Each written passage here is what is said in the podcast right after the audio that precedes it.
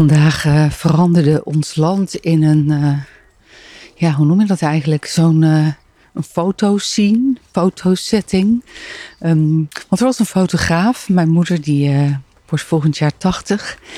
En die wilde graag met al haar, met haar kinderen en met haar kleinkinderen um, op de foto.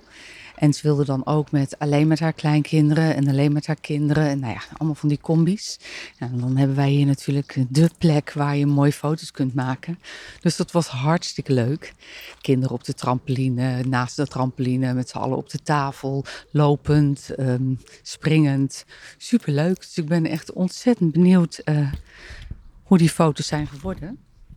En um, wat wel grappig was, is dat uh, op een gegeven moment de fotograaf zei: Ja, er staat een, uh, een boompje in de weg. Kan die weg? Waarop ik dacht: Hé, dat is toch geen serieuze vraag. Maar het was een serieuze vraag. Maar ze bedoelde eigenlijk: kan, kunnen we die niet een beetje aan de kant buigen? Waarop mijn lief zei: Oh ja hoor, ik zet er wel een stoel overheen. En een tak van afbrak. Ik een klein beetje over de pis ging. Want ik vond dat natuurlijk hartstikke erg. Nou, vervolgens um, hebben we maar besloten ergens anders heen te gaan, zodat het boompje kon blijven staan. Nou, was ik natuurlijk wel weer echt helemaal blij mee.